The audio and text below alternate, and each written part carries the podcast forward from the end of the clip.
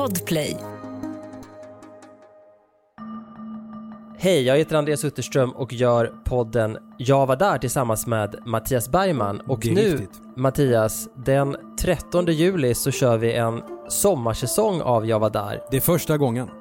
Fyra avsnitt, ett i veckan om du inte lyssnar på Podplay då du får hela säsongen direkt. Och vad är det vi kommer att berätta om i den här sommarsäsongen, Mattias? Ja, det blir fyra avsnitt som är ganska olika sinsemellan får man säga.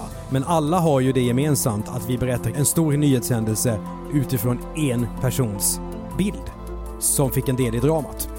Det stämmer, till exempel polisen som gjorde att den så kallade bunkerläkaren åkte fast. Alltså Martin Trenneborg som rövade bort och låste in en kvinna som man hade tänkt att ha där som en slags flickvän inlåst.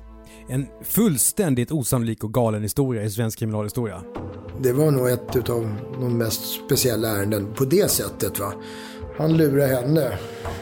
Men hon var tillräckligt smart för att lura in honom till polisstationen. Så det, min lekmannabedömning är ju i alla fall att han var psykiskt sjuk. Det måste han ju ha varit. Det är ju ett icke normalt beteende. Men allt är inte mörkt och brutalt i den här sommarsäsongen. Vi ska också berätta om ett tv-program som hette Fräcka Fredag. Exakt, för du har ju intervjuat Sixten Svensson som är, får vi säga, legendarisk tv-producent på Malmö TV och gav svenskarna det första programmet i världshistorien om sex. SVT visade porr, stod det i kvällstidningarna. Det var inte riktigt sant, men det var lite mjukporr. Men mest av allt var det någon slags diskussion om sex med sexologen Malena Ivarsson. Och detta var Sverige inte riktigt redo för på 80-talet. Alla tittade, ingen gillade. Man bombhotade till och med SVTs redaktion i Malmö och det var otroligt roligt att prata med Sixten för det här var en person som pratade i one-liners kan man lugnt säga. Tänkte du i termer av vad det här skulle betyda för din karriär? Jag brydde mig inte så mycket om det. Jag var ju snart 50 år gammal så jag tänkte att det är snart över då så det är ingenting att bry sig om. Nej, jag levde en dag i sänder. Jag tog det för vad det var. Jag hade en gård i norra Skåne som jag tänkte ba- baka allting samman så flyttade jag dit och bosatte mig och odlade lite potatis. Jag, jag kände mig rätt trygg i tillvaron. Och så ska vi berätta om ett av alla dessa mediedrev, men ett mediedrev som fick den värsta tänkbara upplösningen. Nämligen att den som var utsatt för det begick självmord.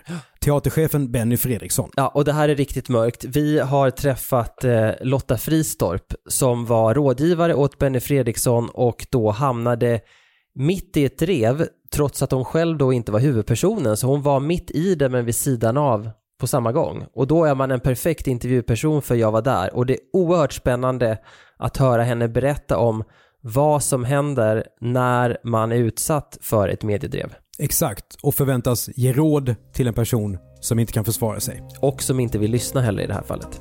Fyra stycken nya berättelser. De räcker från den 13 juli och ända fram in i augusti. Men lyssna gärna i Podplay-appen för då får du alla fyra avsnitt på en och samma gång.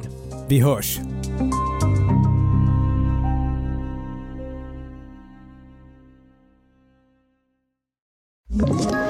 Ett poddtips från Podplay. I podden Något Kaiko garanterar östgötarna Brutti och jag, Davva, dig en stor dos skratt. Där följer jag pladask för köttätandet igen. Man är lite som en jävla vampyr. Man har fått lite blodsmak och då måste man ha mer. Udda spaningar, fängslande anekdoter och en och annan arg rant. Jag måste ha mitt kaffe på morgonen för annars är jag ingen trevlig människa. Då är du ingen trevlig människa, punkt. Något Kaiko, hör du på Podplay. Därför arkadeinerna.